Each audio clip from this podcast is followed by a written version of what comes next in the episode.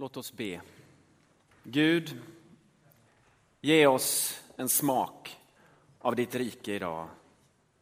Så som jag bekänt, så som det står skrivet. Ge oss en smak av vem du är. Amen. Dagens text som Åsa, tror jag, läste. Jag hörde lite svagt när jag stod och bytte om. Ehm, Frenetiskt. För att komma hit och vara helt avslappnad. Eh, den texten den handlar om hur människor tar emot beskedet om att Jesus har uppstått. Vi får liksom möta olika människor som får beskedet och de reagerar på olika sätt. Vi har kvinnorna som kommer som förväntat för att ta hand om den döda kroppen som, eh, som det var sed. Och så eh, möter de änglarna, männen som det strålar ljus över. Och på en ganska kort tid så tar de det här till sig och börjar sprida det vidare. De är så kallade early adopters. Sen har vi lärjungarna som sitter rädda och får beskedet av kvinnorna. De skakar på huvudet och tar det inte till sig. De är skeptikerna. De tror inte på detta. Förutom en av dem, Petrus, som gör precis allt han kan i det läget. Det vill säga, han springer, vilket man ju inte gör som judisk man vid denna tid. Han gör någonting som bryter mot konventionerna för att få reda på vad ligger det i detta? Så kan det se ut när beskedet ges om att Jesus är uppstånden. Och av dessa så skulle jag vilja slå ett litet slag en stund för skeptikerna. Alltså de som eh, man så här i efterhand och kanske i en kyrka tycker var lite väl halsstarriga, tröga, eh, kanske korkade. Eh, som liksom inte tog till sig den här nya sanningen och började leva efter den. För jag skulle nämligen vilja hävda att de gjorde något väldigt naturligt i den här situationen. En väldigt sund reaktion på att få ett sånt här besked. Om någonting som verkar otroligt. Och jag menar att många av oss, om vi har lite erfarenhet av livet, antagligen skulle reagera på samma sätt. Alltså om man har sett livet, om man har varit med, så vet man att om någon vill sälja en bil till en som är helt utan fel och brister till ett väldigt bra och billigt pris, då är den antingen stulen eller så finns det dolda fel där under huven som inte du känner av när du gör din provkörning. Alltså, har man mött verkligheten, är man någorlunda verklighetsförankrad, så finns det en sanning i för bra för att vara sant. Eller hur? Alltså vi vet att om det saknas sprickor, ah, då, då blir man lite misstänksam. Va? Då är det för bra för att vara sant. Det får inte vara för sockersött. Vi säger om vi säger Hollywoodfilmer, några av oss, och då syftar vi på de där filmerna där det liksom, man vet hur det ska sluta. Det går lite illa ett tag, men så reder hjälten upp det och så slutar det ju sådär feelgood-aktigt. Och eh, det kan vara gött ibland, men det finns också en viss sån där, nej men det här det är ju inte så i verkligheten. Så att det kan lämna en liten bitter eftersmak. De lärjungarna var antagligen ganska verklighetsförankrade. De visste vad de hade sett. De visste vad som var möjligt. De visste att död är död. Och där tog drömmarna slut. Hoppet tog slut där. Och att sätta igång och drömma om något annat, det blir en verklighetsflykt. Acceptera verkligheten, kan vi säga. Inse faktum. De insåg faktum. Och de lät sig inte duperas, luras och få upp hoppet igen. Jag skulle vilja säga att om man nu har varit med om det som lärjungarna och kvinnorna hade varit med om, då är det inte så konstigt om man inte ens söker efter ett svar.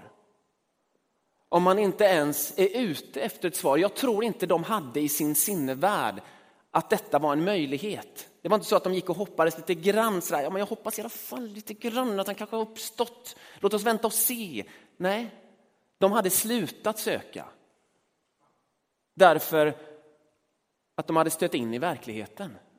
Och den hade sagt ett väldigt tydligt nej. Så som vissa av oss också har varit med om. Kanske de flesta. På något sätt, på något plan. Det blev inte så som vi hade tänkt.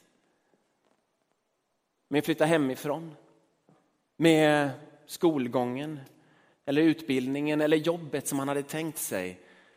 Familjebildningen. Det blev inte som man hade tänkt sig. Verkligheten har liksom sagt stopp, nej. Så ser ett liv ut. Det finns fler tappade sugar här inne än vad vi kanske vet om och ibland vill erkänna. Det blev inte som jag hade tänkt. Man var tvungen att ge upp det. Så var det för kvinnorna. Så var det för lärjungarna. Och då blir det desto märkligare att kvinnorna när de kommer till graven, de har slutat söka. De har gett upp. De möter de två män och vad säger dessa två män, dessa änglar? Varför söker ni efter den levande här bland de döda? De sökte ju inte. Och de sökte ju i varje fall inte efter någon som var levande. De sökte inte efter livet med stort L, meningen med stort M. De sökte inte längre. Varför säger då änglarna så? Och så har jag levt med den här texten och så har någonting blivit tydligt för mig som jag ska föreslå. Jag har alltid hört den här texten som att det är lite sådär högtidligt. Varför söker ni den levande här bland de döda? Jag vet inte om det är någon annan som har läst Bibeln på det sättet, eller just den här. Så. Men eh, ungefär så tänker jag med det. Mm. Eh, problemet är att då blir änglarna antingen ganska nedlåtande, alltså Eh, som att de liksom talar till några som de tycker är lite dumma, eller så blir de själv ganska korkade. De är ju änglar, de har ju koll på att det här är hopplösa, förtvivlade kvinnor som kommer och gör liksom det som ska göras. Så jag har börjat omvärdera det. Jag tror inte att de lät så. Hur lät de då? Eh, men, någonting i stil med det här då. Här får ni min ängelimitation. Eh, varför söker ni efter den levande? här bland de döda. Blink, blink. Eh, alltså jag tror att de var lite sådär pillemariska, hade en liten glimt i ögat. Att de skämtade med kvinnorna. Kan man göra det? Kan man skämta med kvinnor som kommer och har förlorat sitt hopp? Och liksom, varför söker ni efter den levande här, bland de döda? Eh, varför skulle de låta så? Ja, för det första därför att det känns som att änglarna inte är nedlåtande, de är inte korkade och de tror inte, de, liksom, eh, ja, de beter sig inte så som jag först tänkte. Men det finns också en annan viktigare orsak till att de skämtar, tror jag. Eh, och kanske till och med lite ironiska på ett, eh, på ett trevligt sätt. får vi utgå ifrån. Ja, nu är jag inne på, på svag mark här. Eh, teologiskt, exegetiskt. Eh, nej, men det, finns en, det finns en annan orsak, eh, tror jag, till att... Eh, därför att skämt och ironi och sådär, det kan användas för att distansera sig från verkligheten, för att liksom hela tiden skoja bort saker. Men det kan också användas för att ifrågasätta vedertagna föreställningar. För att liksom ge en annan bild till det förväntade. Så är ju humorn när den är som bäst. Den vänder liksom upp och ner på det vi tänker. Skrattet fastnar liksom i halsen och vi inser att ja, men, vad är det jag har gått och trott? Hur ser våra liv ut? Vad är det för samhälle vi har? Skämtet liksom, ja men kejsaren har inga kläder. Och precis den situationen har vi här. Alltså vi har den situationen att änglarna har sett något som kvinnorna inte hade sett. De visste om någonting som kvinnorna inte visste om. Men det var inte bara så att de visste att en man, en människa hade uppstått. För det var i sig inte så revolutionerande. Alltså, det är klart att det är revolutionerande med någon som uppstår från de döda. Men Jesus hade själv varit med och, och gjort det med Lazarus. Nej, det var inte bara en människa som hade uppstått, utan det var en ny tid som hade börjat. En ny verklighet att förankra sig i och ta på allvar och bli en del av. Det var ju det som hade hänt denna morgon. Inte bara en människa som hade uppstått, utan en ny tid som hade börjat på allvar. Och änglarna, eftersom de har sett det som har hänt, de kommer från en annan tid. Och så krockar de med kvinnornas tid, med kvinnornas verklighet. Kvinnorna och lärjungarna som var fullt ut verklighetsförankrade. De hade insett fakta, men så kommer det ett annat fakta, en annan verklighet som liksom krockar. Och där är det läge för skämt, tänker jag kanske. För, för att fånga, för att liksom förmedla lite grann av detta, om det är någon som är ny för den här tanken, så har jag gjort en kortversion av den bibliska världshistorien. Så att vi kan se vad det är som händer här. Vad är det för verkligheter som krockar? Om vi tänker oss att Gud skapar världen och tiden. Och det börjar där och det slutar där till höger, där pilen slutar. Så ganska snart åtminstone ganska snart efter att människan har kommit in i bilden, så kommer synden in i världen. Den liksom skapar ett, en tillvaro, en värld där Guds goda skapelse hela tiden motarbetas. Det goda, det sanna, det sköna, det motarbetas hela tiden längs med denna historia. Allting är uppblandat. Och man får ett talesätt ungefär som det här. Det är för bra för att vara sant. Alltså det kan inte vara hur bra som helst för då är det inte sant. Det måste vara komplext. Den goda är inte helt god, den onda är inte helt ond. Det är uppblandat, det är svårt att veta vad som är vad. Det är förvirrat, det är lätt att gå fel. Detta är det som man ibland kallar för den fallna skapelsen. Eller en skapelse som är fångad i ett slaveri under synden. Och så börjar det i den bibliska historien komma glimtar om ett annat sätt, om en annan värld. Det kommer en glimt från Moses som leder det judiska folket ut ur slaveriet i Egypten. Alltså Gud har makt att befria ur fångenskapen. Och så fortsätter det så här. Och så kan man läsa Bibeln och se hur det placeras ut små röda pluppar placeras det ut. Eh, de är röda för att det handlar om kärlek. Man ser Guds kärlek. Fredrik föreslog att det har att göra med att biblarna här i Saron är röda. kan man också tänka. Det är bibliska prickar det här. Eh, Jesaja till exempel som målar upp fridsriket, fridsfursten som ska komma och Guds lidande tjänare. Daniel som talar om en människoson som ska liksom införa riket. Och så är det olika ledtrådar som pekar framåt. Och så kommer Jesus. Och då säger han, nu är tiden här. Guds rike är nära. En ny tid är här. Och så öppnas det upp en annan verklighet mitt i tiden. Guds rike. Och den kraftiga höjningen som ni ser, den branta kurvan.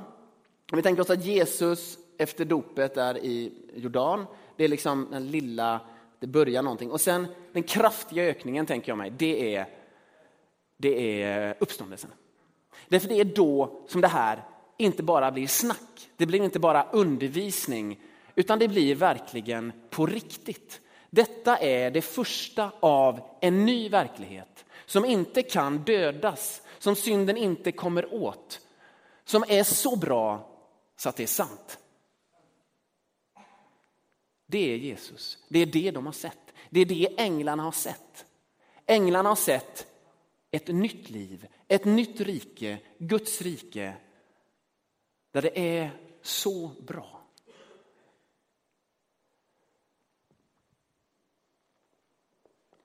Och det kommer genom korset, därför att detta rike är upp och ner på. Det har Jesus varit väldigt tydlig med och i de här glimtarna från Gamla Testamentet så har vi sett det. Alltså, det här riket är upp och ner på. Här segrar man genom att dö. Här är det barnen som har första tillgång till Guds rike. Här är det de som gråter.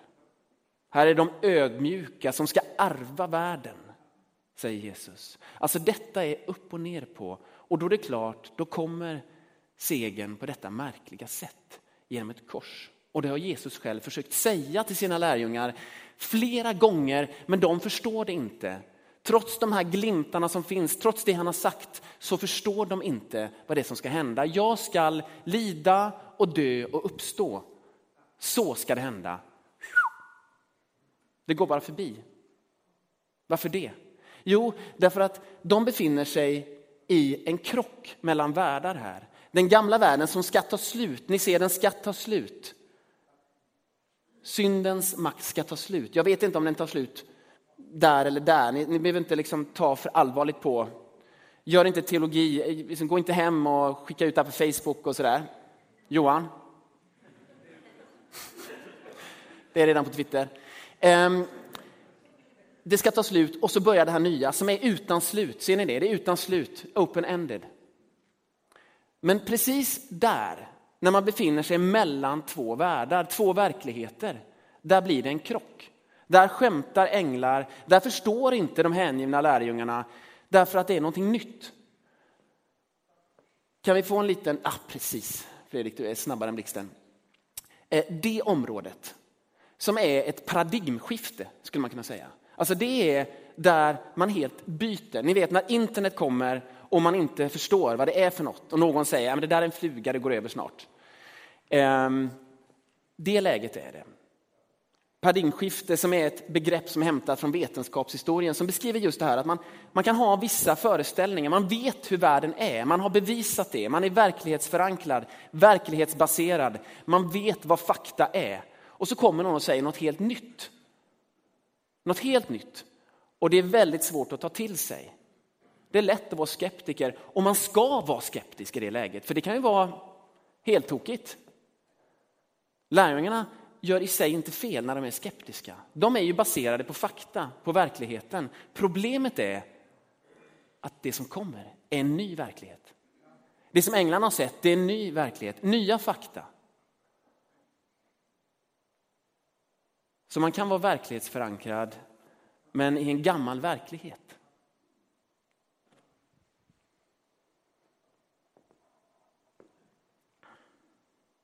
Det som är drömmen inom vetenskapen när man står i sånt här paradigmskifte. Om någon har föreslått ett helt nytt sätt att se på materia och energi och tid och rum som Einstein gjorde till exempel. Då är drömmen att få till ett avgörande experiment. Någonting som övertygar motståndarna, som visar att här är, här är det, så här ser det ut. Jag bekräftar, jag testar att det jag säger är sant.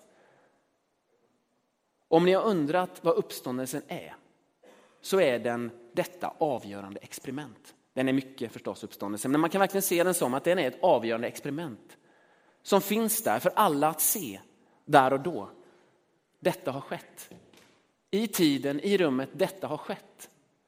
Ett avgörande experiment som vi sedan kan bygga vidare på. Som vi kan se hur det utvecklar sig. Om detta är sant, vad är då inte möjligt utifrån detta? Ja, då är det här möjligt, då växer det ut.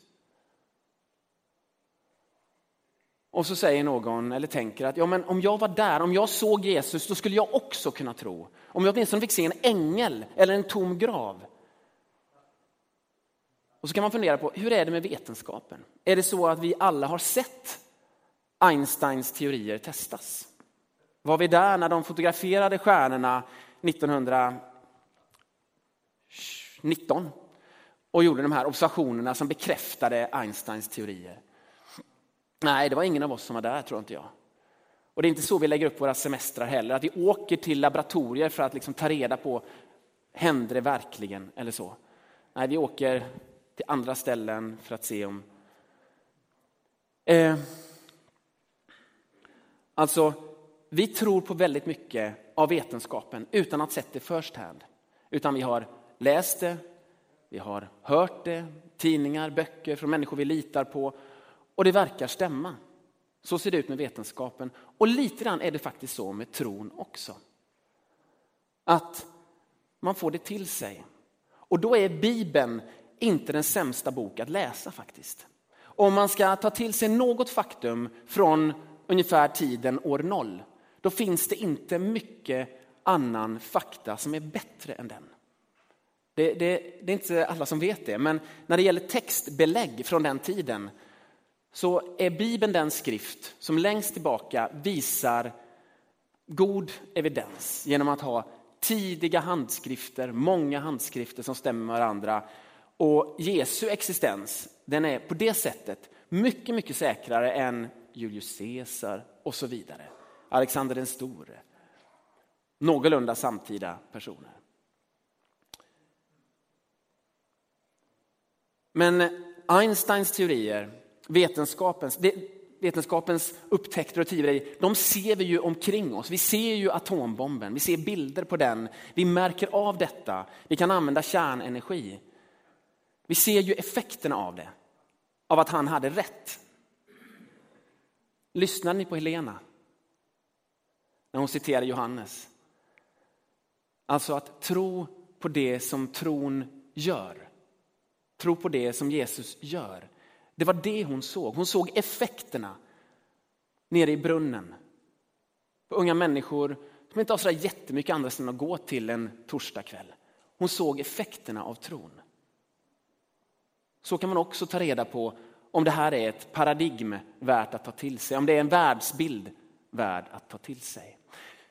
Hur gör man då? Hur gör du då om du möter detta besked idag? och står i krocken mellan verkligheter. En gammal verklighet som du vet stämmer, som du har känt till. Och så en ny verklighet som liksom kommer emot dig. Ett besked som verkar för bra för att vara sant. Ja, du kan ju göra som Petrus. Som verkligen gör vad han kan för att ta reda på om det här är sant eller inte. Som till och med springer. Jag vet inte hur det ser ut i ditt liv. Att satsa allt på något sätt för att ta reda på om det här stämmer eller inte. Och vad är det han hamnar i då, Petrus? Han hamnar i undran. Han kommer till graven och han fylls av undran. Och jag skulle säga att i det här läget, i paradigmskiftet, så är det inte så illa att hamna i undran. Att liksom börja fundera på vad är det som har hänt? Något av det som gjorde mest intryck på mig efter det att jag blev troende som 16-17-åring, det var ett samtal jag hade med min pappa. Min pappa växte upp i en troende familj eh, med väldigt troende föräldrar. Han fick inte ihop det, han lämnade det. Jag hörde inte någonting om tron när jag växte upp. Och så kom jag tillbaka från ett konfirmationsläger och tror på Jesus. Och står för det. Och han vet inte vad han ska tro. Alltså, han var i chock. Min mamma var i chock. Eller hur? Och ehm, Så han frågar respektfullt, frågar ut mig, vill veta. Men jag hör ju kritiken, jag hör ju att han har tänkt igenom det här. Han har haft frågorna länge och han har besvarat dem redan. Och där står jag som 16-17-åring och liksom precis tagit till mig detta och så ska jag svara. Och jag försöker så gott jag kan och, och sådär. Och, och, han blir inte upprörd, men han är ju kritisk, det känner jag. men han har respekt. Och så minns jag speciellt ett samtal som vi hade där han blottade sig. Där de här kritiska frågorna inte bara var kritiska, utan där jag såg att han hade en förtvivlan inom sig. Han hade inte förstått vad hans föräldrar trodde på. Han köpte det inte. Han tyckte inte han såg effekten av det tillräckligt mycket. Och så hade han lämnat det och så kommer jag hem. Och så förstår han återigen inte. Han får beskedet att Jesus är något att tro på, att Jesus lever och han vet inte vad han ska tro. Och det lyser igenom denna gång en förtvivlan över att han inte greppar. Och för mig så var det så stort att från sin pappa som, vad kan jag ha varit, 18, 19, att få höra en förtvivlan över att man inte greppar allt. Att man inte förstår allt i världen och att man står undrande inför detta. Han tillät sig att vara undrande. Att vara den som inte hade greppat det. Och jag bär med mig det idag. Att han bjöd på det. Att han släppte garden och visade att han inte förstod. Och jag såg att han sökte. Att han ville förstå. Han greppade det inte. Han dog några år senare och jag vet inte hur mycket han greppade till slut. Men det han bjöd på där, det har jag med mig. Det är inte så illa när man är i ett paradigmskifte, i en krock mellan verkligheter, att fyllas av undran, som Petrus gjorde. Det är inte det sämsta. Jag har enorm respekt för det. Om man kommer vidare, om man kommer bortom undran, om undran börjar vetta mot längtan, vad gör man då? Då kan man själv ta steg. Som kvinnorna, att man använder sin mun och bekänner, jag vill detta. Den värdigheten har vi fått som människor, att vi kan bestämma det här. Jag vill detta. Då kan man till exempel gå in i bönerummet och så kan man säga till någon, jag vill bekänna en vilja att tro, en längtan, en tro. Och så säger man med sin mun, jag vill att den här verkligheten som har öppnats upp med Jesus Kristus, en upp och nervänd verklighet, där en svag är stark, där korset är en seger och så vidare. Jag vill att den verkligheten ska bli min. Jag vill bli förankrad, inte bara i den gamla verkligheten som jag har sett och som jag kan. Jag vill bli förankrad i denna nya verklighet. Och när man säger de orden, då blir det lite mer verkligt för en. Då börjar man någonting. Och sedan, efterhand, så kan man vidga det. Att det inte bara är munnen som säger det, utan man gör det med hela kroppen. Som Helena har gjort idag. Alltså att man med sin kropp bokstavligen säger, nu vill jag dö från en gammal verklighet och jag vill uppstå till en ny verklighet, precis som Jesus gjorde när han uppstod. Jag vill följa honom och dö från den gamla verkligheten och uppstå till ett nytt liv som liksom är utan gräns. Och så gör man det med hela sin kropp. kan man göra en gång i sitt liv. Så fattar man det beslutet och så gör man det. Och så har man liksom tagit ställning. Är det då ett Hollywood-slut på filmen? Är det sockersött? Det är ju inte det. Det är snarare så att där börjar en ny film, som ni ser här. Då börjar en ny film. Och den är inte enkel. Så är det ju. När man har fattat ett beslut, när man vill någonting, när man säger ja till någonting, då blir det ju inte oproblematiskt. Då försvinner inte de där sprickorna. Utan då lever man ännu mer mellan världar på något sätt. Och då ökar faktiskt komplexiteten. Om nu komplexitet är ett tecken på att man är verklighetsförankrad, komplexiteten ökar, det vill säga man lever ju både med den gamla verkligheten som finns här. Synden finns fortfarande kvar, ondskan finns kvar och samtidigt som man sagt, jag vill vara inriktad mot det helt igenom goda, det som ska komma. Man är på väg in i det. Och det kan i sig vara ansträngande. Jag vet inte vad ni säger, ni som är på den resan också. Men det är inte helt ovanligt att när man väl har sagt ja på ett bröllop, då blir det riktigt svårt. Eller när man har sagt ett mer trivialt exempel, när man har sagt ja och börjat träna. Och då går det tre gånger och sen har man ett löparknä där som man inte visste fanns. Eller en förkylning som inte släpper. Alltså när man väl har föresatt sig någonting, då kan det ibland bli svårare.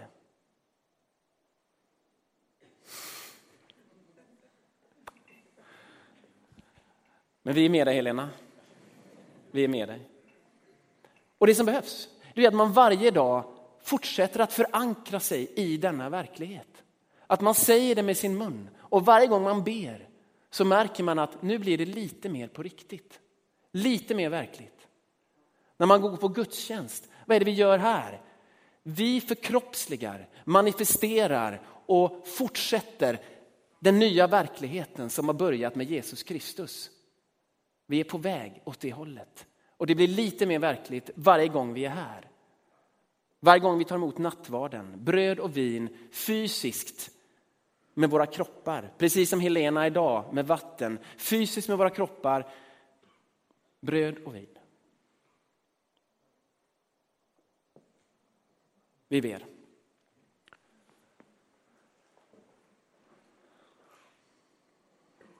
Tack Gud för att du har börjat något nytt denna dag. Påskdagen, uppståndelsedagen. Och att vi har möjligheten att springa för att ta reda på vad betyder detta? Att vi har möjlighet att överlåta oss till detta.